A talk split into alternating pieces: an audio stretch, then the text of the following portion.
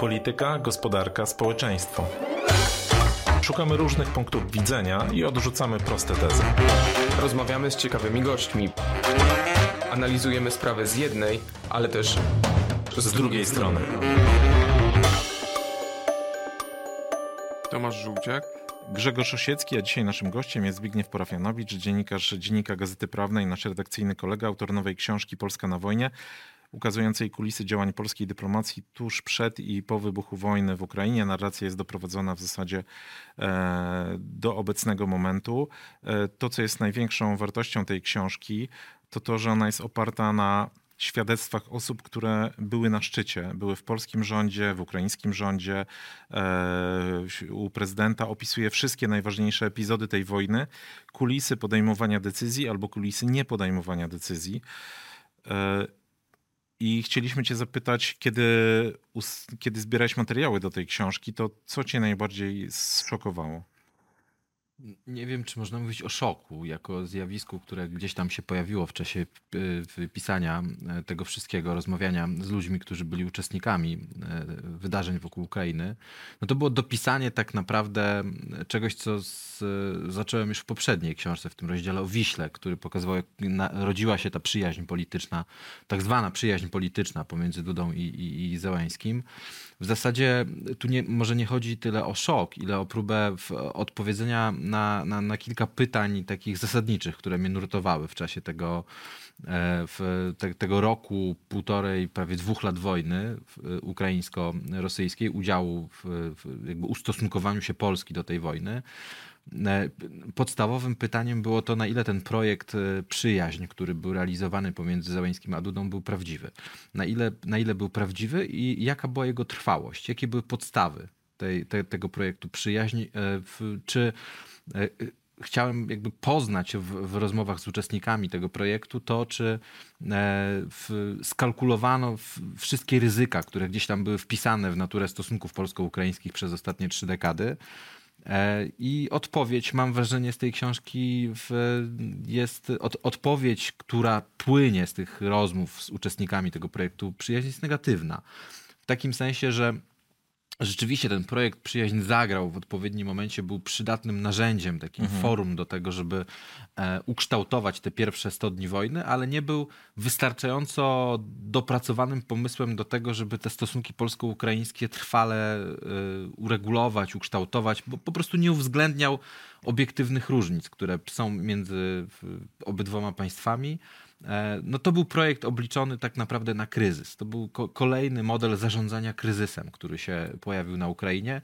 Tak samo jak e, zarządzaniem kryzysem była operacja Kwaśniewskiego w 2004 roku w czasie pomarańczowej rewolucji, czyli doprowadzenie do trzeciej tury tak, takiego politycznego rozwiązania pomarańczowej rewolucji, czy tak jak misja Sikorskiego e, od momentu, kiedy Na próbował Majdanie, tak. na Majdanie, ale nawet wcześniej, kiedy próbował wyciągać Tymoszenko i Łucenkę z więzienia i doprowadzić, próbował do sfinalizacji tej umowy stowarzyszeniowej Ukraina-Unia. Zawsze w stosunkach polsko-ukraińskich te relacje są naznaczone zarządzaniem kryzysem, a nie jakimś takim trwałym rozwiązaniem. To, co się e, gdzieś tam na, na, na pewnym etapie rozmów z uczestnikami tego projektu przyjaźń pojawiło, to jest ta idea e, podpisania traktatu polsko-ukraińskiego, który miał być takim traktatem elizejskim, powtórzeniem traktatu elizejskiego, który normował stosunki pomiędzy Francją a Niemcami po II wojnie światowej, czyli traktatu elizejskiego, który pokazywał, że dwaj odwieczni wrogowie mogą sobie uregulować te stosunki w sposób systemowy i za pomocą jakiegoś, jakiejś tam kalendarza spotkań i rozwiązywania tych sporów e, w sposób instytucjonalny uciec od takich pułapek, jak na przykład spór o zboże. To był, w- znaczy ten pomysł był bardzo ciekawy, ale został za, za, zabity przez samego prezesa e, Kaczyńskiego, o, o, o czym zresztą e, piszę właśnie w tej książce. E, czyli w momencie wizyty Zełęńskiego tak naprawdę Kaczyński kazał już Rałowi wykreślać z expose sejmowego w sprawie polityki zagranicznej wszystkie słowa, które dotyczą traktatu. To była jedyna szansa na systemowe uregulowanie tych stosunków, taka szansa okno możliwości, które dawało jakąś nadzieję na zbudowanie czegoś bardziej systemowego, a nie właśnie tylko zarządzania kryzysem. Ta szansa została zaprzepaszczona w dużej mierze przez, e, no, przez stronę ukraińską mimo wszystko, bo to, bo to jest jakby ta, to strona ukraińska miała wolę włożenia tej nogi w drzwi i wejścia na rynek Takie, rolny polski. takie fundamenty pod tę tak zwaną przyjaźń między Dudą a Zełęskim, jak to określiłeś, e, to, to, to była ta suto zakrapiana impreza e, w Wiśle dwudniowa, którą opisujesz na, opisujesz na początku e, książki, e, co się odbyło na miesiąc przed wojną. I tak się zastanawiam, na ile to było skalkulowane i wyrachowane działanie, ponieważ e, próbowano Andrzeja Dudę wpisać w taką rolę, którą wcześniej pełnił Kwaśniewski, e, a na ile to było podyktowane tym, że coś już wisiało w powietrzu, że już się spodziewano, że coś złego się niebawem wydarzy i no, to zło przyszło miesiąc później. Jestem pewien tego, że w polskich elitach politycznych, po rozmowach z, z ludźmi, którzy uczestniczyli w, w, stosu, w tych stosunkach polsko-ukraińskich w sposób decyzyjny, czyli podej, podejmowali decyzje, jestem pewien tego, że najprawdopodobniej tylko Kaczyński w, w jakichś rozważaniach takich czysto teoretycznych, niepopartych wiedzą operacyjną służb, czy, czy wojska, czy MSZ-ów, dopuszczał opcję pełnoskalowej inwazji. Wszyscy inni nie. Każdy inny rozpatrywał wariant rozszerzenia Donbasu, czyli wejścia gdzieś tam na południe, wejścia od Donbasu, e, od wschodu.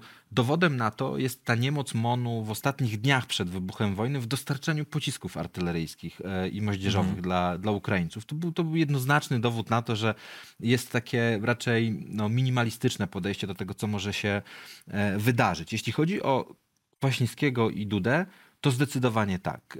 W- Architekt tego pomysłu, Jakub Humoch, tego pomysłu Wisły y, i, i wejścia w te buty Kwaśniewskiego, no on jednoznacznie, on ten, on ten y, case Kwaśniewskiego zna. On był wtedy reporterem PAP-u w Moskwie, którego wysłano do Kijowa, żeby obserwował te wydarzenia. E, Tam on pracował jako reporter PAP-u, ja wówczas jako życia z kropką. On widział te wydarzenia, widział jakie korzyści przynosi rola Kwaśniewskiego Polsce, jak lewaruje Polskę w, w stosunkach międzynarodowych, jak lewaruje w relacjach do Amerykanów. Wtedy Kwaśniewski wszedł na bardzo wysoki pułap. On, on prowadził bezpośrednie rozmowy z oficjalami amerykańskimi na temat tego, na przykład jak można e, szantażować Tychybkę, takiego technicznego kandydata w tamtych wyborach, żeby odpuścili z sfałszowaniem wyborów, z sfałszowaniem tej e, drugiej, pierwszej tury. Amerykanie przekazywali bardzo wartościowe informacje wywiadowcze Kwaśniewskiemu na temat kont, które w Janukowycz, Tychybko i w oligarchowie wokół Janukowycza mają w rajach podatkowych. E, Kumoch to wiedział, że ta, ta wejście w buty, jakby w specjalizację ukraińską, Dudę wynosi na wyższy poziom. Po, powoduje, że on staje się atrakcyjnym partnerem dla Amerykanów. Nie dlatego, że jest Dudą, nie Dudą, liberałem, demokratą, czy pisowcem, czy konserwatystą, czy teksańczykiem, tylko dlatego, że po prostu ma do zaoferowania pewną, pewną rolę, którą może odegrać w stosunkach z Ukraińcami. Zresztą to też wybrzmiewa w tej książce po spotkaniu w Wiśle, o którym e, Am- Amerykanie nie byli informowani ani ze strony Załęskiego, ani e, ze strony Dudy. Od razu zadzwonił Biden do Dudy, żeby się dowiedzieć, co tam się działo, o czym rozmawiano, jakie są nastroje, o co, o co w tym wszystkim chodzi. E, I Kumow zdawał sobie z tego sprawę, że to, to, to, to siłą rzeczy temat ukraiński e, będzie niósł Dudę w relacjach z Ukraińcami. I temu to miało, temu to miało od początku służyć. Tak samo jak e, Kwaśniewski, e, który no, jest zwierzęciem politycznym. On w te sprawy ukraińskie wszedł w sposób naturalny i, i też w sposób naturalny wzmocnił SLD w relacjach e, z Amerykanami w kwestii NATO, e, w kwestii, e, w, w pozycji w NATO, w kwestiach właśnie relacji euroatlantyckich. To było takie drugie uwiarygodnienie się postkomunistów wobec, wobec Zachodu. To miał powtórzyć Duda.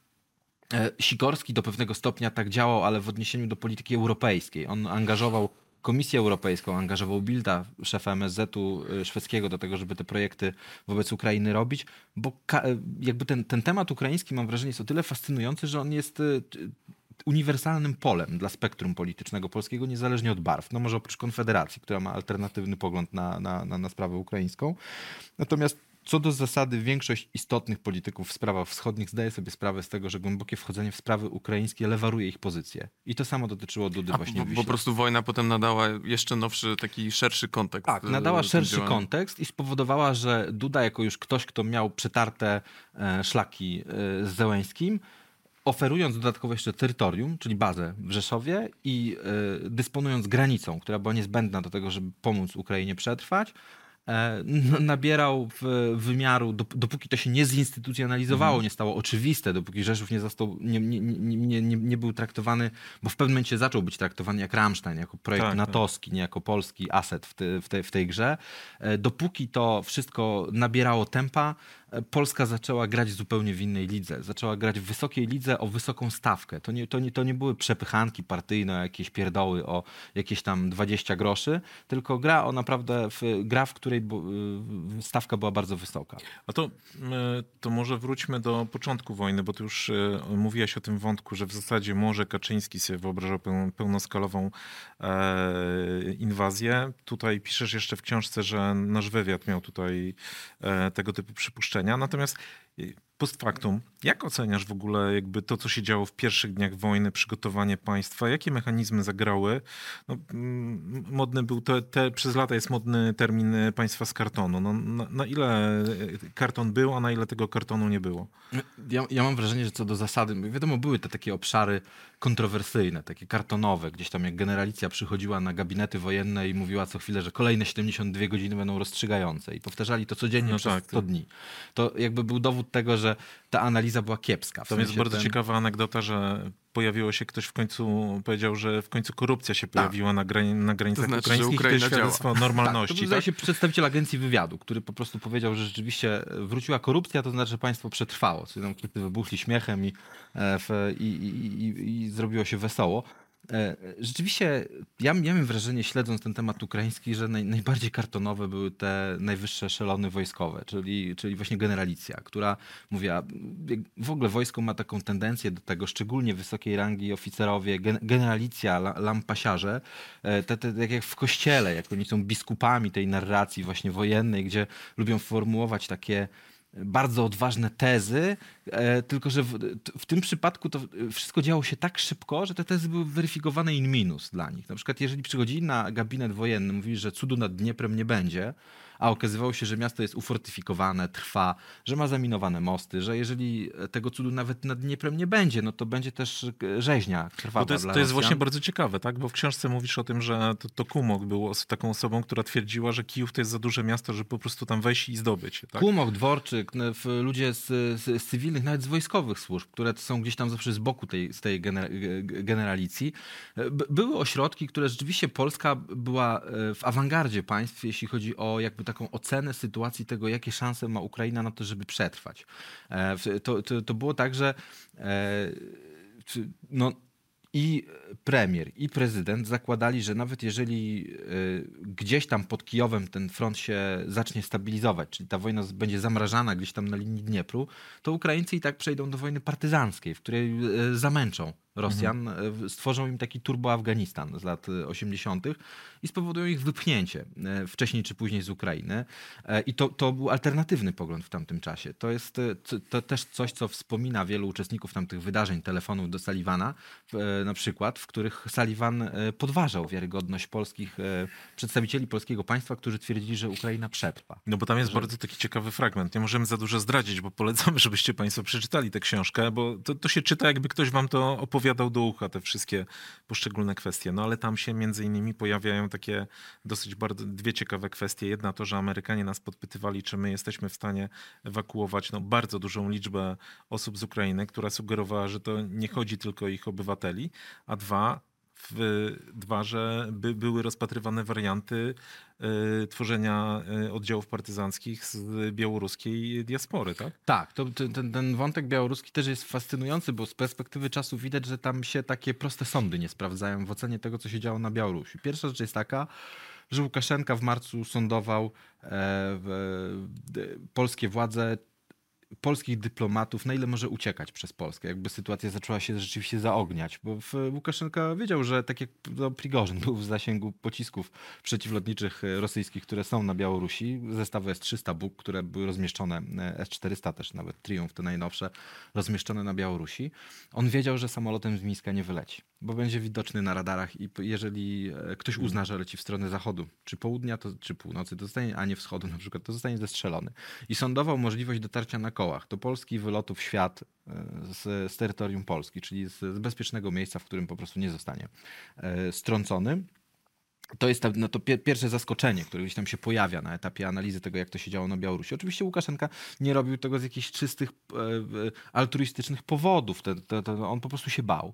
E, to, jest, to, to był moment, kiedy był słaby w relacji, w relacji e, z Putinem. Dopóki Putin nie zaczął przegrywać wojny lądowej, Łukaszenka po prostu się go bał. Bał się o życie.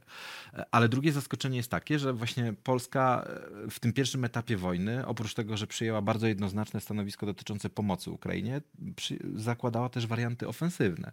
Właśnie takie jak powołanie grup dywersyjnych, które będą robiły na zapleczu, jeżeli Białoruś by dołączyła do wojny, to Białorusini z diaspory, którzy są przeciwnikami reżimu Łukaszenki, e, mieli robić po prostu, e, odpowiadać za dywersję na tym No, kierunku mamy legion białoruskim. białoruski po stronie ukraińskiej, tak? Jest i to jest, to, to jest też dokładnie myślenie według tego samego paradygmatu. Oczywiście w Polsce nigdy to nie, nie dotarło do fazy takiej operacyjnej, do, nie, nie zoperacjonalizowano nigdy tego pomysłu z Białorusinami z różnych powodów. Polskie służby obawiają się inwigilacji wśród, wśród Białorusinów.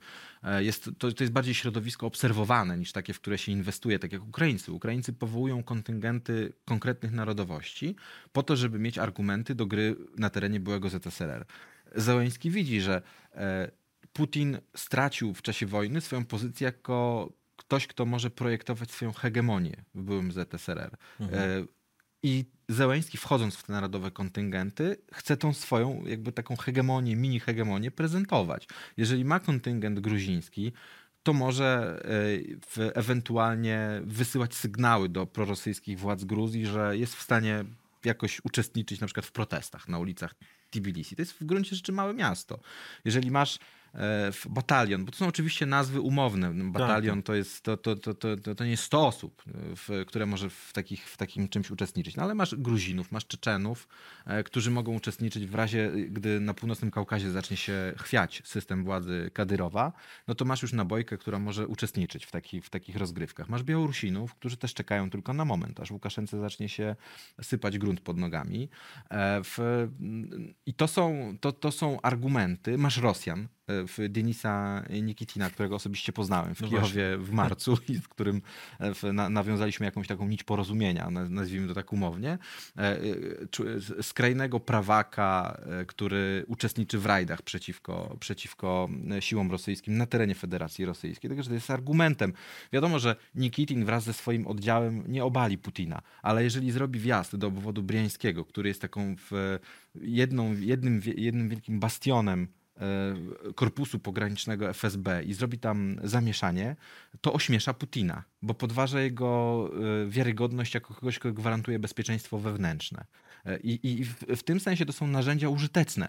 I myślenie o Białorusinach na zapleczu, działających na zapleczu właśnie ewentualnej ofensywy białoruskiej przeciwko Ukrainie, było dokładnie tego typu myśleniem myśleniem słusznym, bo jakby wojna też e, otworzyła, mm, ja mam- wrażenie, że w części polityków e, otworzyła jak takie wrota wyobraźni do tego, co można w, te, w, tej, w tej wojnie robić, jak postępować, w takie otworzyła możliwości kreacyjne u, u, u części polityków. I to było bardzo, bardzo dobre e, zjawisko. E, Ludzie tacy jak Dworczyk. Dworczyk e, przygotowując wizytę Morawieckiego w marcu w Kijowie, wizytę taką no, mimo wszystko pionierską. No, nikt Tak, wtedy tak. nie jeździł do Kijowa. Wszyscy się bali jeździć do Kijowa, bo była wojna po prostu. E, Dworczyk no, jeździł na te wizyty przygotowawcze często przez teren, który był terenem kontrolowanym przez wroga, no krótko, Ale czy, krótko czy, czy w ramach tych działań, bo mm, też jeden z twoich rozmówców y, mówi y, o takim scenariuszu, który gdzieś tam był rozważany, a który z dzisiejszej perspektywy wydaje się w ogóle jakąś jak- jakimś elementem powieści Toma Clancy'ego, to znaczy, że obawiano się, że Duda, który wizytował e, Ukrainę mm, właściwie w dniu czy chwilę przed wybuchem wojny, że zostanie po prostu pojmany przez, przez Rosjan i nawet wykorzystany jako zakładnik do siania y, prokremlowskiej propagandy.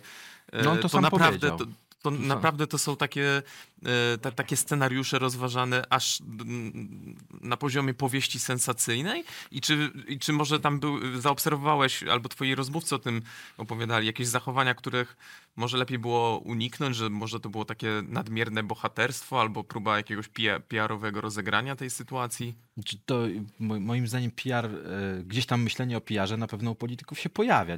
Jeżeli ktoś jest zwierzęciem politycznym, to myśli, jak zdyskontować swoje bohaterstwo i swój, swój moment chwały na wojnie. To jest naturalne. Tak samo jak zdyskontowano Tbilisi, tak samo Kaczyński, Jarosław chciał zdyskontować swój Kijów. Tam trochę to nie wyszło, bo stał koło Morawieckiego trochę niższy, starszy. To kuriozalnie wyglądało, jak dwóch polityków przy jednej mównicy stało.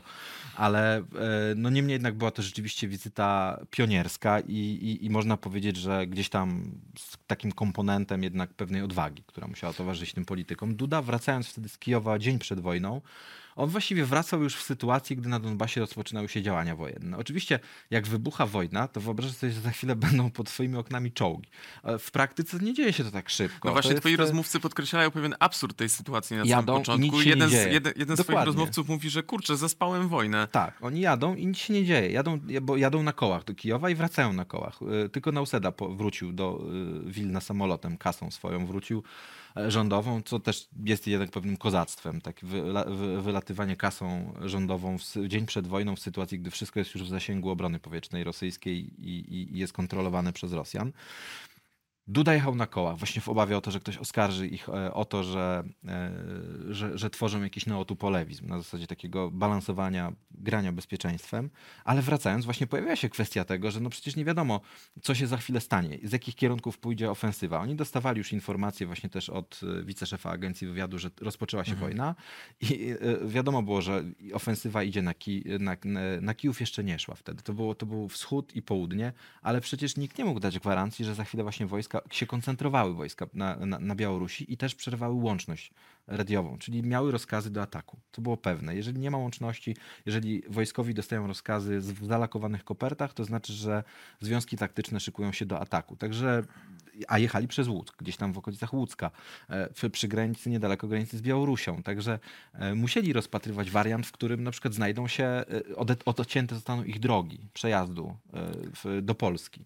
Dla mnie, dla mnie fascynujące, jakby e, jeżeli chodzi o tę narrację, która dotyczyła tych, tych różnych e, epizodów i wyjazdów polskich oficjeli tam, to było to, że to, to się działo jakby, mm, no, te, takie silosy w polskim rządzie, tak? Że to się działo, jak jeżeli opisujesz, że e, pre, premier i wicepremier Kaczyński jadą do Kijowa, ale nie wie o tym na przykład szef MSWiA ani szef MONU, nie? Albo to szef jest- MSZ-u, który dowiaduje się o sprawach z A z czego, z czego to wynikało tak naprawdę? Znaczy, nie- niektóre powody były czysto prozaiczne.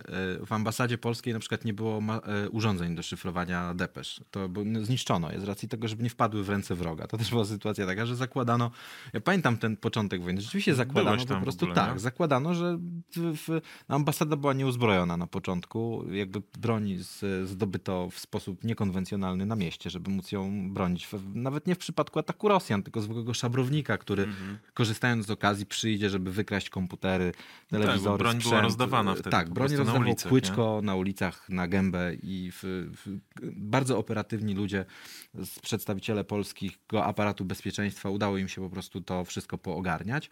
Natomiast e, mm, jakby Później też się pojawił ten element rywalizacyjny. To jest, e, jak e, organizowano tą wizytę Morawieckiego, no to po pierwsze była taka niechęć do tego, żeby gdzieś poszedł przeciek, że ta wizyta jest, a po drugie no, rywalizacja właśnie gdzieś tam w obszarze bezpieczeństwa, w tym takim układzie Dworczyk, Błaszczak, Kamiński. Kamiński przede wszystkim, który nie, nie, nie jest specjalnym entuzjastą e, Michała Dworczyka i nigdy nie był. Także to, to było tak, że nie, nie widział Dworczyk, nie widział powodu, żeby się dzielić z nim sukcesem po prostu. Przy, Znaczy generalnie Dworczyk, jak e, z naszego doświadczenia wynika, że wielu ministrów nie przypada za nim, bo jest gościem bardzo rzutkim i Operatywnym, tak. Wchodzi na potrafi czyjeś wchodzić pola na, na dosyć czyjeś pola, tak? I ta reszta nie, nie, nie potrafi mu tego darować. No tak, no też właśnie tam opisuje w książce kwestię RARS-u, który w, został, e, w, nabrał kompetencji i stworzył się takim centrum, z którego zostały, były generowane prywatne firmy wojskowe. No właśnie to jest, niesamowita e, historia. To, to ta- o czym jakby e, w gruncie rzeczy czasami mnie trochę... Nowy e, skrót się pojawia dzięki twojej książce. Tak, C- CBN, tak, do, dokładnie. To, to ciekawa sytuacja była w pod Rzeszowem właśnie, jak e, ci przedstawiciele prywatnej firmy wojskowej, możemy tak umownie ją nazwać, one się oczywiście, to wszystko się kojarzy z grupą Wagnera, ale to, to, to, to nie ma takiego, zupełnie to nie jest te, e, ten temat, ani grupa Wagnera, ani Blackwater. To jest firma, która po prostu korzystając z zasobów kadrowych służb, e, byłych e, oficerów służb wojska, e, uczestniczyła właśnie we współpracy z RARS-em z dostarczaniem, w dostarczaniu broni na, na, na, na, na Ukrainę. E, I oni po prostu byli skuteczni, bo nie byli obarczeni papierologią monowską, nie byli obarczeni tym, że mogą e, coś wtopić i po prostu nie awansować przez kolejne tam 50 lat. E, I pracowali za pieniądze, czyli układ był czysty. Jeżeli jesteś w sytuacji, w której jest wojna, jest dynamicznie, wszystko się zmienia, jest dużo ryzyka, to nie będziesz e, chodził do ludzi, którym trzeba, e, których trzeba zapytać, czy oni się oby nie boją na pewno, czy te ubezpieczenia to wyczerpują ich jakby tutaj zagadnienie. No to jest, e, idziesz tropem najbardziej efektywnym. Szukasz ludzi, którzy po prostu dowiozą ci temat, a nie którzy będą po prostu przez dwa miesiące robili studia wykonalności jakiegoś projektu. No to jest jakby naturalne. I w tym, w tym sensie rzeczywiście Dworczyk był, e, który ma bardzo taką te, złą legendę w związku z jego skrzynką i, i, i, z tym, co się tam wokół, wokół niego działo. No mimo wszystko był taką postacią bardzo pozytywną w tym całym procesie logistycznym, organizowania takiego na, e, wpuszczania państwa na odpowiednie tory, żeby ono zadziałało na wojnie. A jeszcze jedna rzecz, bo to też dla mnie było charakterystyczne, bo z tego co piszesz, wynika, że była jednak dosyć duża rezerwa po stronie na przykład naszej armii, w przeciwieństwie do wielu innych armii i e, państw natowskich nawet, do tego, żeby wysyłać wojsko i to nawet celem zbierania doświadczeń. No, jakby z historii wiemy, że nawet w czasie wojny secesyjnej byli obserwatorzy po obu stronach z różnych armii europejskich. W czasie wojny fińskiej Amerykanie byli e, przy armii fińskiej. No jakby to się zdarza, tak? Jeżeli tylko jest jakiś konflikt gdzieś, gdzieś, to inne państwa wysyłają tam swoich żołnierzy, żeby z bliska przyjrzeli się, nie biorąc udziału oczywiście w konflikcie, ale przyjrzeli się, co tu się dzieje. Nie, no tak, no to, to, to, jest, właśnie, to, to jest właśnie ten kościół, to, kościół Ministerstwa Obrony Narodowej, w, gdzie są biskupi, papieże i różni inni ważni koloraci, którzy podejmują decyzje. Na, na, naturalny jest ten lęk przed e, uwikłaniem się w konflikt. Ryzykowne jest rzeczywiście złapanie polskiego żołnierza w mundurze, który, który po prostu zostanie przedstawiony przez propagandę rosyjską jako ten, który, e, który uczestniczy w wojnie. Ale jak się spojrzy na wojnę od lutego 2022 roku, to przypadków, przypadki pojmania do niewoli to są zazwyczaj przypadki e, w sytuacjach oblężenia jakiegoś obiektu, takiego jak na przykład e, kombinat metalurgiczny mhm. w Mariupolu Azovstal. E, mało jest takich przypadków, gdzie, gdzie wojsko po prostu czerpie doświadczenia. Nawet w Bachmucie nie udało się Rosjanom wziąć w kocioł oddziałów tak. ukraińskich. One były bardzo mobilne mocno ufortyfikowane i w ostatnim momencie po prostu stamtąd się ewakuowały. To w, w gruncie rzeczy trwanie przedstawicieli oddziałów specjalnych w takim mieście do ostatniej chwili jest Moim zdaniem to jest taki, licząc to kategoriami wojskowymi, to jest umiarkowane ryzyko i warte podjęcia. Do Zresztą tego, żeby ty byłeś wiedzę zdobyć. akurat. No tak i to, to, to też jest tak, że Bachmut jako, jak, jako miasto był podzielony na sektory. Był, był, była strefa śmierci, strefa, strefa zgniotu i były strefy, gdzie można było obserwować to, co się działo. Jak, jak Rosjanie stosowali e, taktykę dronową, bo wtedy się uczyli, zaczynali z dronami. Teraz już są znacznie bardziej wyspecjalizowani w tej dziedzinie obserwować, jak Ukraińcy sobie radzą z, w wojnie dronów, jak prowadzą rozpoznanie, gdzie, jak, jak, jak się fortyfikują, na jakiej zasadzie działają, jak dostarczają e, zasoby ludzkie do, do, do, do Bachmutu. E, w, nigdy te zasoby nie były dostarczane w dużych grupach. To, były, mhm. to, to absolutna decentralizacja, mobilność, bardzo inteligentna taktyka wa walki w mieście. Zresztą tak jak teraz mamy operację w Gazie, to generał, który dowodzi tą 167 dywizją, żelazną dywizją pancerną, 162, przepraszam. E, on mówi o tym, że nie ma nic gorszego niż walka w mieście, chyba że walka w mieście zrujnowanym, nie? takim jak Gaza czy, czy, czy, czy Bachmut. Oczywiście obserwowanie wojny w terenie zurbanizowanym jest doświadczeniem bezcennym dla wojska. Jest czymś, co po prostu jest rzeczą konieczną w sytuacji, gdy graniczymy z Rosją i gdy scenariusz wojenny wobec Polski mógł być potencjalnie podobny. To jest, to jest i w tym sensie ten konserwatyzm i zachowawczość generalicji i Ministerstwa Obrony był e, niepotrzebny.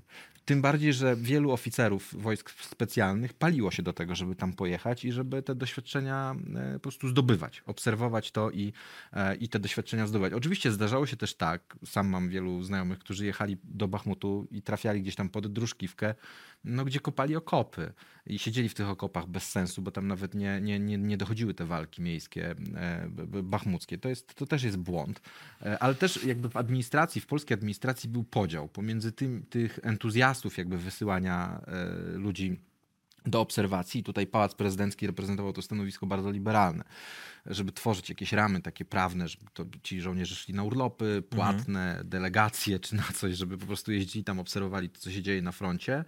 E, No i ta frakcja zachowawcza, która mówiła, że pojmanie żołnierza, czy, czy, czy, czy gdzieś tam pojawienie się polskich żołnierzy grozi wybuchem III wojny światowej. To było bez sensu, no bo też w tej książce wspominam o tym, że jeden ze świadków tej wizyty Morawieckiego w Kijowie wspomina o tym, że wieziono dwóch amerykańskich żołnierzy z Kijowa, wtedy w, w czasie powrotu Kaczyńskiego Tak, i tak. Morawieckiego z Kijowa, dwóch rannych żołnierzy. Oni byli ranni chyba właśnie pod, e, w- po- pod Bachmutem? Nie. Wydaje mi się, że to bardziej jest południem. Możliwe, że Mariupol. Nie, nie, nie, nie mam pewności. E, Jeden z nich stracił nogę zresztą. Nie, nie, nie wykluczono w ogóle, że był operowany przez polskich e, lekarzy.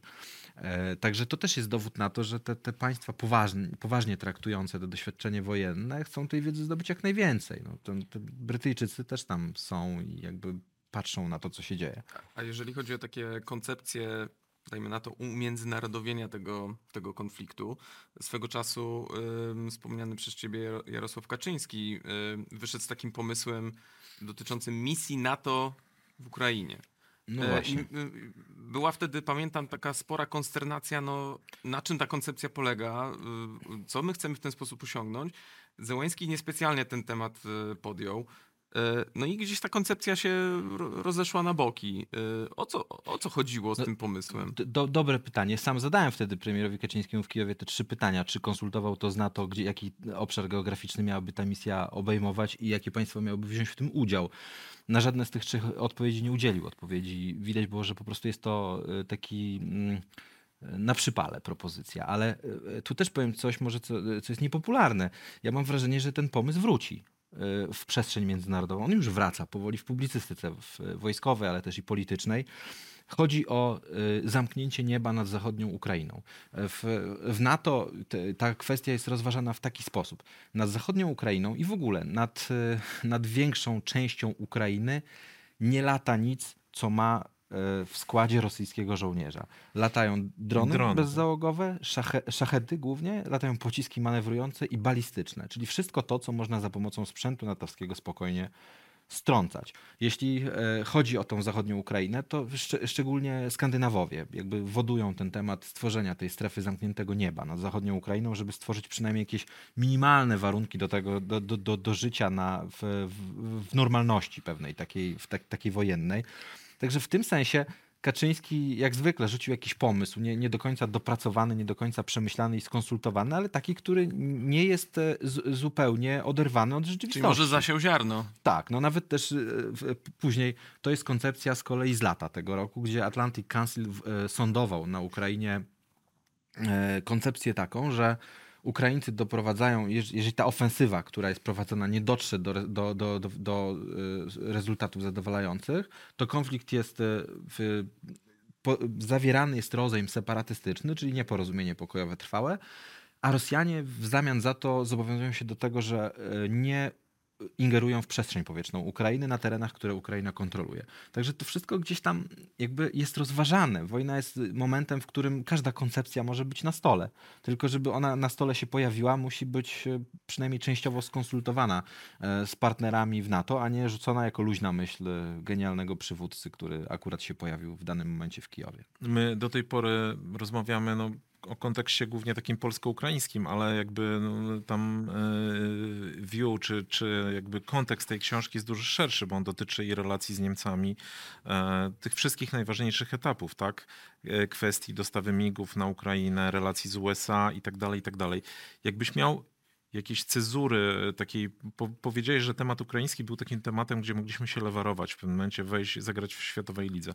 Jakbyś miał cezurę taką e, naszych politycznych działań i naszego znaczenia w tej wojnie e, wyznaczyć, to jakie to były okresy? Jakby dokąd nas to prowadzi w tej chwili? Podstawowym, e, podstawowym takim okresem, gdzie, my, e, gdzie to był taki karnawał polski w, woj- w czasie wojny na Ukrainie, to był, to był czas do zmontowania koalicji le- leopardowej, czyli styczeń 2023 roku. Przy czym ten etap też trzeba podzielić na kilka jakby takich pod w etapów, które gdzieś tam e, kształtowały naszą pozycję. Najsilniejsza Polska była jako państwo, jako partner międzynarodowy w pierwszych 100 dniach wojny, czyli mniej więcej do momentu odparcia Rosjan spod Kijowa i do momentu odparcia ich spod Charkowa. To, Charków to jest połowa maja, kiedy ich odparto z, z przedmieść Charkowa. Później ta wojna weszła w jakieś takie kolejny e, mniej spektakularne. W, też wytworzyły się te mechanizmy ramsteinowe dostarczania broni. Rzeszów za, zaczął być traktowany jako sprawa oczywista. E, I tu jest ten taki moment, kiedy przegapiono e, już po, gdy było jasne, że Ukraina przetrwa, przegapiono ten moment na e, napisanie weksli, czyli na Mhm. mówienie Ukraińcom, że dalsza współpraca będzie obarczona jednak e, pewnymi koniecznościami. E, Jeżeli ukraińska dyplomacja to jest, e, to jest dyplomacja, która wywodzi się z, e, z dyplomacji sowieckiej. Jest tak jak w piosence kultu Diplomat. Tam jest wszystko wyjaśnione w tej piosence. W, w tekstu z, tekst stworzył ojciec Kazika Staszewskiego i tam jest opisane właśnie jaki jest stosunek Sowietów najpierw do niemieckiego generała, później do ambasadora włoskiego, a później do japońskiego samuraja. Każdy z tych dyplomatów przychodzi, żeby złożyć, z tych przedstawicieli państw osi przychodzi, żeby złożyć Sowietom jakąś ofertę nie do odrzucenia. I w, każdym, e, e, w, każdej z tych sytuacji puenta jest taka, że so, so, Sowieci mówią to co, to, co powiedziano rosyjskiemu statkowi e, przy Wyspie Węży.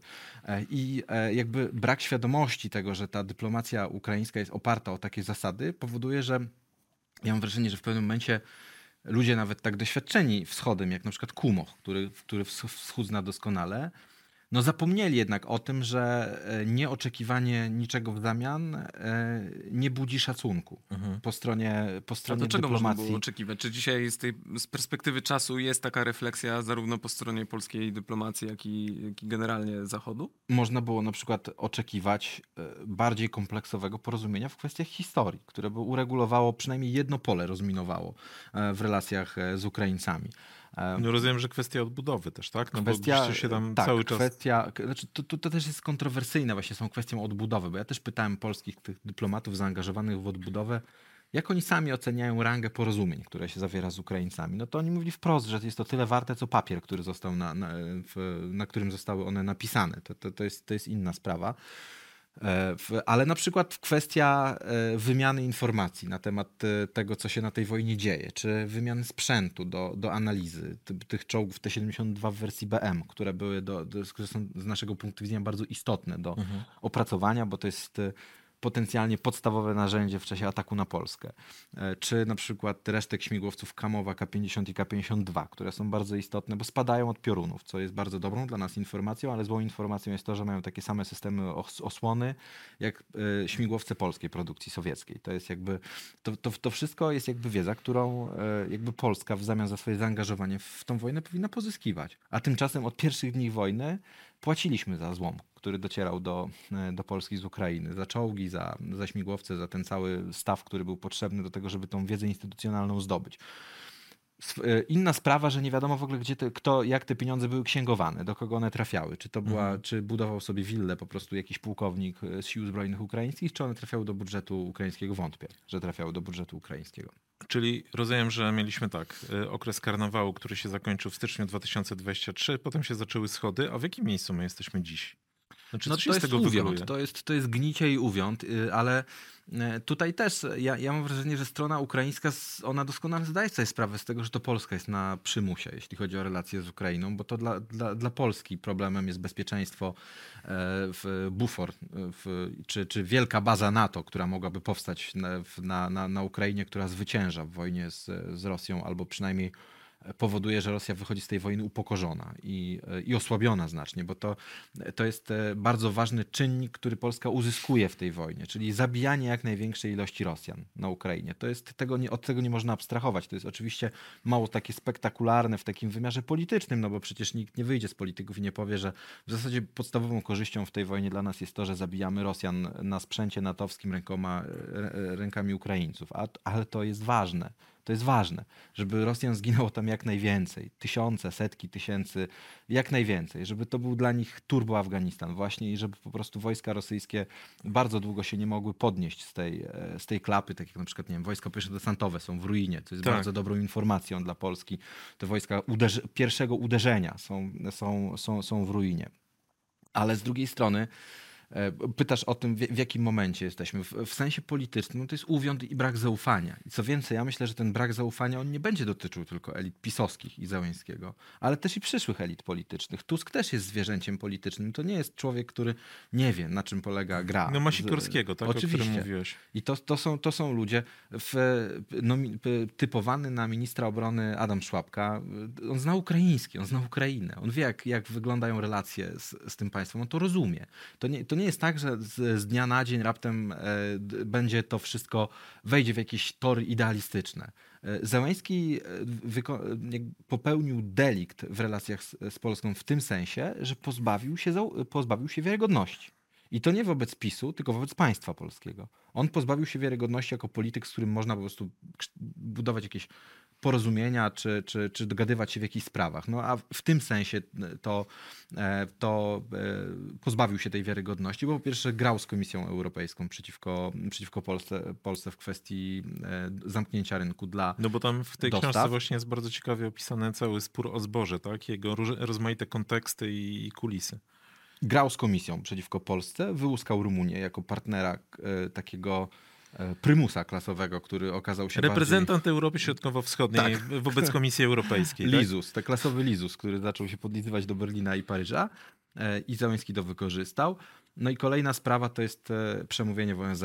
To jest, to jest haniebne. Te, te słowa nigdy nie powinny paść. To jest w ogóle kwestia dochodzenia po stronie polskiej, kto mu to wpisał do przemówienia i jakby komu nie należy dłoni to podawać. zawdzięczamy, tak? Komu, komu nie należy po stronie ukraińskiej podawać dłoni. To, jest, e, to była obraza Polski, a nie obraza PiSu. Także w, w tym sensie Załęski popełnił błąd. E, Ja pisałem w Dzienniku Gazecie Prawnej taki komentarz o tym, że on wygrał z Polską, ale przegra z geopolityką. I szczerze mówiąc, pisząc te słowa wtedy p- przy okazji ONZ-u, to była połowa września, nie spodziewałem się, że to nastąpi tak szybko. Że tak szybko Niemcy zaczną wystawiać mu rachunek, że, tak, że, że w takim kierunku pójdzie debata o pieniądzach w Stanach Zjednoczonych. To jest, to, to jest fatalne. Po, pozbyć się tak e, absolutnie oddanego partnera, jakim była Polska w sprawach ukraińskich, oddanie go e, poprzez kilka takich niemądrych gestów. Kiedyś e, w naszym podcaście gościł analityk i bloger Krzysztof Wojczal, który przewidział i moment, i przyczyny wybuchu tej wojny. To ciebie, Zbyszku, chciałbym zapytać e, na koniec naszej rozmowy, czy ty widzisz jakiś scenariusz kończący e, e, no, tra- tragedię milionów Ukraińców, ale też coś, co rezonuje na całą Europę i świat? Czy, czy to będzie taka dziwna wojna, taka, takie pho- phony war 20, XXI wieku, taki zamrożony konflikt, coś ala porozumienia mińskie 2.0? Czy może jednak to się uda ostatecznie przeciąć i, i, i będziemy mogli pójść dalej jako, jako, jako świat, jako cywilizacja Zachodu? Jeśli Putin utrzyma się u władzy e, w kontekście tej wojny, to będzie to Mińsk 3. W sensie zamrożenie tego konfliktu i targ. Targ, w którym e, przedmiotem targu będzie nie tylko Ukraina, ale też Gruzja i Białoruś w, w rozmowach Zachód-Rosja. Bardzo niekorzystne dla Ukrainy jest to, że po 7 października wybuchła wojna w Gazie, która ma potencjał do tego, żeby się rozszerzyć na wojnę regionalną. Jeśli chodzi o ten porozumienie Mińsk 3, które miałoby gwarantować jakiś w miarę spójny rozwój państwu ukraińskiemu, e, już nie, nie, nie terroryzowanemu, terroryzowanego państwa przez e, naloty rosyjskie, to też nie jest rozwiązanie na, e, na za rok czy na za dwa. Jak się analizuje te takie brudne wojny graniczne, tak jak na przykład wojna RPA z sąsiadami w, w, w, w, w ubiegłym wieku, w drugiej połowie ubiegłego wieku, no to widzimy, że w ogóle to jakby państwo jako, jako RPA kształtowało się w, w oparciu o dwie wojny burskie i później o tą wojnę graniczną już współczesną, która gdzieś tam dopiero doprowadziła do finału i do jednoznacznego ukształtowania się tych państw, e, państw i granic tych państw. To samo dotyczy Ukrainy, bo jest to wojna postkolonialna. To jest wojna, e, w, w której Ukraina odrywa się od imperium da, dawnego, czyli e, w, Definiuje się tak de, definiuje się państwo, w odniesieniu, definiuje swój model rozwojowy. Putin oczywiście nie chce tej wojny postkolonialnej odpuścić, bo on rozumie, że nie może dać tak dużemu państwu możliwości samookreślenia, bo to zdemoralizuje innych w, w, w tym imperium, w którym on chciałby projektować swoją siłę i swoją hegemonię. E, także w tym sensie dla niego to też nie jest, to też nie jest wojna do kompromisów. I, i, i, i w, e, mam wrażenie, że to, co się będzie kształtowało na Ukrainie, ten porozumienie, czy pokój, czy ustalenie tego, co będzie linią rozgraniczenia, to jest kwestia lat, zgniłych kompromisów, nudy, czegoś, co nie będzie trafiało już na jedynki gazet, jakichś niuansów gdzieś tam opracowywanych przez ekspertów, którzy mówią o tym, że granice przesunięto o dwa kilometry tam za Robotynę pod Tokmakiem e, w kierunku południowym, a przesunięto na północ w rejonie Kupiańska i rzeki Oskił. Także to są, to są tego typu sytuacje. Tam, tam jakby to co, to, co jest jednoznaczne z tej wojny, to fakt, że Rosja przegrała ją w wymiarze lądowym i, i została pokorzona w, w, wymiarze lądowym. To jest dobra informacja z punktu widzenia Polski, przede wszystkim może mniej Ukrainy, bo to jest, tam jest jeszcze masa brudu, który jest do, do, do, do wyrzu- wyrzucenia w, w ramach tej wojny lądowej. A z punktu widzenia Polski to jest bardzo optymistyczna informacja. E, Natomiast, tak jak mówił dziś, mówił Załużny, to, to jest bardzo ciekawe, bo Time opublikował tekst bardzo też podobny do naszej czołówki poniedziałkowej o koalicji skąpców, e, która się rodzi na świecie. Time to e, z tego, jakby wokół tego te samego tematu zrobił bardzo takie dobre human story na temat samego Zełęńskiego, jego kondycji w, w psychicznej, psychologicznej, politycznej. I to jest ważna czołówka i ważny, ważnym wywiadem jest dzisiejszy wywiad y, w magazynie The Economist przez Załużnego, który ogłasza po prostu przejście wojny na Ukrainie w fazę pozycyjną. Do wojny brudnej, pozycyjnej. Na tym zakończymy. Zapraszamy do lektury książki Polska na wojnie Zbigniewa Parafianowicza i zapraszamy do lektury jego artykułu w Dzienniku Gazecie Prawnej, gdzie opisuje to, co się e, dzieje i które będą no, poniekąd rozwinięciem tej książki. Dzięki. Dziękuję. Dziękujemy. Premiera książki 8 listopada. Tak, Zachęcamy 8 do lektury, bo jest to bardzo dobra lektura. Już niezależnie od tego, że Zbyszek jest naszym redakcyjnym kolegą. Z czystym sumieniem polecamy, bo naprawdę e, aż ciężko uwierzyć w niektóre rzeczy, które tam opisujesz. To jeszcze, z- jeśli chodzi o rozmówców. prywatę, to książkę już można kupić w przedsprzedaży, także polecam. Polska na wojnie. I my się podłączamy. Pod to polecenie dziękujemy bardzo. Dziękujemy.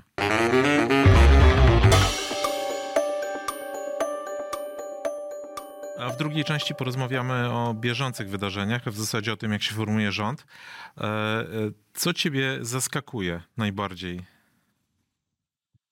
No, powiem tak, może nie tyle e, to tempo, które może się niektórym wydawać ślamazarne, ale to jest jednak chyba uwarunkowane po pierwsze liczbą aktorów na tej scenie, która jest chyba bezprecedensowa, jeżeli chodzi o budowanie koalicji, a po drugie, no, to milczenie coraz bardziej się wydaje, że taktyczne Andrzeja Dudy. Więc tutaj e, ten proces myślę, że jeszcze trochę potrwa. Natomiast to, co mnie najbardziej zaskakuje, jeżeli chodzi o tę wyłaniającą się konstrukcję e, tej przyszłej koalicji, to ta rotacyjność, o której e, swego czasu napisaliśmy i która, jak widać, e, chyba cały czas jest tym takim najbardziej prawdopodobnym scenariuszem. Mowa o, o mm, stanowisku marszałka Sejmu jak się też okazuje marszałka Senatu, który, które to miałyby być stanowiskami rotacyjnymi, czyli no, możemy roboczo założyć, że przez pierwszą połowę kadencji e, stanowisko to piastuje jeden z koalicjantów, a potem w drugiej połowie mm, tejże kadencji któryś z innych koalicjantów. To, to jeżeli chodzi o mnie, e, bo w przypadku Sejmu pisaliśmy o tym, że to najpierw ma być Szymon Hołownia, potem e, Włodzimierz Czarzasty, czyli PL 2050 i Lewica, w przypadku Senatu prawdopodobnie e, za każdym razem będą to przedstawiciele Platformy, ale mnie jednak bardziej dziwi w kontekście całej układanki to, że to będzie jakby precedens, tak? Bo pierwszy raz formacja rządząca pod rządami nowej konstytucji, znaczy ta formacja, która jest najsilniejsza w danej koalicji, wypuściłaby z rąk funkcję marszałka Sejmu. Czegoś takiego jeszcze nie mieliśmy. Takie rzeczy bywały za koalicji SLD. e, PSL, z tego co pamiętam, no ale to było, to było masę, masę czasu temu, więc e, a, a marszałek Sejmu jest istotny. No, w kontekście kontroli e, procesu legislacyjnego to jest jedna rzecz, ale druga rzecz, no, że jeżeli zaczęłaby się jakaś niepogoda, e, no to marszałek Sejmu jest kimś takim, kto może decydować o tempie e, głosowaniu wotum e, nieufności, no o różnych tego typu kwestiach, tak? I na ogół było tak, że formacje rządzące chciały mieć kontrolę nad tym stanowiskiem. Tu widać, że to jest kwestia zaufania, a być może konieczności, żeby ono weszło do, do takiego systemu, do, do tego koalicyjnego tortu. Co więcej, tutaj jest też e, takie ryzyko, o którym zresztą jest pełna świadomość e, w koalicji obywatelskiej, tylko raz to jest bagatelizowane ryzyko, a innym razem jest to dostrzegane ryzyko, czyli powierzenie tej funkcji e, Hołowni. No wiemy, że Hołownia nie zrezygnował z tych swoich ambicji prezydenckich i można zakładać chyba, że przyjdzie czas, przyjdzie taki moment, kiedy Szymon Hołownia zacznie traktować stanowisko drugiej osoby w państwie jako pewnego rodzaju trampolinę E, do tych wyborów. E, I to też trochę by tłumaczyło tę rotacyjność, bo jeżeli Szymon Hołownia chce z powrotem spróbować swoich sił w wyścigu prezydenckim e, w roku 25, no to może się pojawić problem tego, że będzie, będzie atakował Trzaskowskiego, będzie atakował Tuska i będzie wykorzystywał do tego funkcję. Okej, okay, ale to chyba Tusk bierze w koszty jakby, natomiast dwa lata i tak mijają później, czyli należy zakładać, jak rozumiem, taki scenariusz, że Hołownia e, będzie startował z fotela marszałka Sejmu, no chyba, że podjął jakieś zobowiązania koalicyjne, o których my nie wiemy. E, a czy prezydium rządu nie będzie zbyt szczupłe? No bo z tej konstrukcji, która, o której mówimy, tak, to znaczy, że dwóch, e, że PL 2050, e, jeden z liderów będzie marszałkiem Sejmu, wyłania się kształt, taki, taki kształt rządu, że Donald Tusk ma być premierem i ma mieć dwóch wicepremierów, wicepremiera z lewicy, e, czyli Krzysztof, Krzysztofa Gawkowskiego najprawdopodobniej, no bo Włodzimierz Czarzasty zostaje w Sejmie, no i Władysława Kosiniaka-Kamysza, który ma być szefem MONU, to podwójne zaskoczenie. Może być szefem MONU, tak? Bo ludowcy y, mieli wicepre, wiceministrów w MONie, ale MONem chyba nie kierowali, a może bardzo, bardzo dawno temu. E, no właśnie to jest ta wypadkowa tych różnych zdarzeń, które gdzieś dzieją się po drodze przy układaniu tej dość skomplikowanej konstrukcji. Zresztą niedawno jeden z polityków Koalicji Obywatelskiej użył takiego sformułowania w, ro, w rozmowie z nami, że to jest taki system naczyń połączonych i jeżeli gdzieś ruszy się jakąś jedną cegiełkę, na przykład jeżeli chodzi o skład prezydium Sejmu, no to to automatycznie wpływa na inne odcinki budowa budowania takiej koalicji. Na przykład jeżeli chodzi o podział y, resortów pomiędzy koalicjantami. I y, to z kolei powoduje, że to, co dzisiaj jest y, taką obowiązującą wersją, kto, co i dlaczego weźmie, może się okazać, że za 2-3 dni już nie będzie wersją obowiązującą, bo te rozmowy przede wszystkim liderów koalicji no, wylądują w zupełnie innym miejscu. I rzeczywiście, gdyby Donald Tusk miał mieć dwóch zastępców, zastępców, Kosiniaka, Kosiniaka Kamysza i Krzysztofa Gawkowskiego, no to jest to w pewnym sensie wypadkowa, która pe pewnych procesów, które zadziały się na innych polach, ale sama ta decyzja o tych dwóch wicepremierach też rezonuje na inne.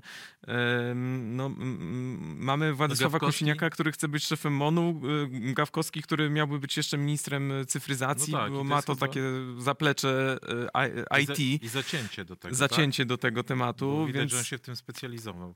E, no... Plus jeszcze na to wszystko nakłada się taka powiedzmy strukturalna czapa, jeżeli tak to można określić, czyli no, jeżeli chodzi o strukturę resortów, ich liczbę, to jak zostaną podzielone, no tutaj nie należy się spodziewać przynajmniej na razie jakiejś rewolucji. E, a to też determinuje to, co i komu może być przynależne w tym nowym rozdaniu. Tak, no bo to jest, to jest symptomatyczne, że pewnie koalicja z wielkim e, triumfem ogłosi, że rząd będzie mniejszy, ale on nie będzie mniejszy zapewne dzięki liczbie resortów, a raczej e, dzięki temu, że po prostu będzie mniej ministrów konstytucyjnych, bo PiS, jaki rozmnożył ich po prostu w niewiarygodny sposób. Mamy w tej chwili łącznie z premierem 28 członków rządu. E, no to, to jest rekord chyba. A 17 resortów? Z tego co 18. 18? Tak. Nie, 17, bo 17, liczyliśmy. 17, liczyliśmy, tak, 17, 17. Tak, co, tak. co, ciekawe, co ciekawe, no ta liczba o tyle jest znamienna, obie te liczby są o tyle znamienne, że 17 resortów liczył pierwszy rząd Donalda Tuska w 2007 roku, a 18 resortów drugi rząd Donalda Tuska w 2011 roku. Więc jakby to, to pokazuje, że tutaj nie ma też jakiegoś wielkiego pola, tutaj się cuda nie wydarzą pod tytułem tniemy rząd, zrobimy 10 ministerstw. No bo, bo po pierwsze to jest koalicja i już na przykład Lewica chce budownictwo. E, cyfryzację dzisiaj mamy, tak, ale słyszymy o rozdziale menu i e, edukacji i nauki, plus do tego e, uroczyste zobowiązanie Ministerstwa Przemysłu w Katowicach. a nie ma z kolei na przykład woli do tego, żeby resort sportu no, połączyć, nie wiem, na przykład z edukacją, jak, jak to było kiedyś. No, sam fakt, że y, idziemy w stronę sytuacji, w której minister cyfryzacji będzie jeszcze w randze wicepremiera. Bo ta, przy tym układzie to jest absolutnie możliwe, a przecież wiemy, jakie zawiłe i skomplikowane losy były te, tego resortu, który raz istniał, raz nie istniał, albo istniał, tylko stosowano wobec niego taką taktykę salami. E, a tutaj widać, że, że to się nie zmieni. I a propos tych naczyń połączonych, no fakt, że e, Kosiniak-Kamysz miałby zostać szefem resortu obrony narodowej, powoduje, że chęć koalicji obywa- obywatelskiej, żeby przyznać koalicjantowi, e, tutaj konkretnie Polsce 2050, inny ważny resort, czyli MSZ, drastycznie maleje. E, Może się okazać, że e, te negocjacje, one się jeszcze parę dni przedłużą, bo jednak te wzajemne jakieś waśnie czy, czy indywidualne ambicje będą tutaj mocno, mocno rezonować. No, wszyscy chyba się zgodzimy co do tego, że takim absolutnym de- deadline'em na ustalenie pryncypiów, fundamentów te, tej nowej koalicji jest 13 No, listopada, kiedy znaczy, zbierze tak- się tak- Sejm. Tak wszyscy mówią, ale to ja może na koniec powiem, że moim zdaniem nie do końca, bo przecież jeszcze e, formalnie od momentu wskazania premiera przez prezydenta on ma czas na zaprzysiężenie ministrów dwa tygodnie, potem jest uzyskanie wotum zaufania. Ja myślę, że z punktu widzenia rozmaitych roszad czy rozmów, to to jest skomplikowany układ. De facto czterech podmiotów politycznych to jeszcze nigdy nie było ćwiczone. Nie było też nigdy ćwiczone, żeby koalicję rząd, żeby w koalicji rządowej nie było ugrupowania, które zajęło pierwsze miejsce w wyborach. I to wszystko powoduje, moim zdaniem, że ważniejsze jest to, żeby to było dobrze poukładane, niż to, żeby to powstało szybko. To tyle na dziś, jeżeli chodzi o, o to, co słychać e, w przyszłej koalicji e, rządzącej, najpewniej. E, Zapraszamy do kolejnego odcinka podcastu z drugiej strony za tydzień. Za dzisiaj bardzo dziękujemy. Tomasz Żółciak. I Grzegorz Osiecki.